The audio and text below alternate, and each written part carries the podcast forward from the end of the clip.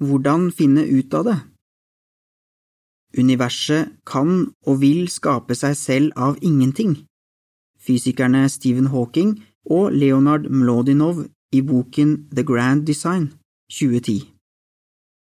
I begynnelsen skapte Gud himmelen og jorden. Bibelen, Første Mosebok 1.1. Ble universet og livet skapt av Gud, eller ble det til av seg selv? Det som ble sagt av de to fysikerne som er sitert ovenfor, og de innledende ordene i Bibelen, gir to helt forskjellige svar på det spørsmålet. Begge synspunktene har sterkt overbeviste tilhengere, men det er også mange som er usikre på hva de skal tro. Bestselgende bøker og offentlige debatter har satt det ene synspunktet opp mot det andre.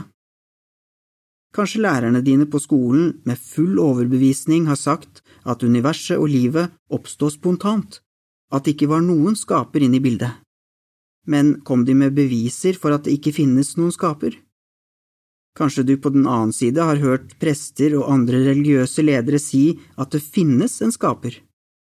Men kom de med beviser til støtte for det, eller sa de at det bare var et spørsmål om tro? Du har sikkert tenkt litt på spørsmålet om det finnes en skaper eller ikke, og kanskje du føler at ingen kan vite sikkert hvordan det forholder seg.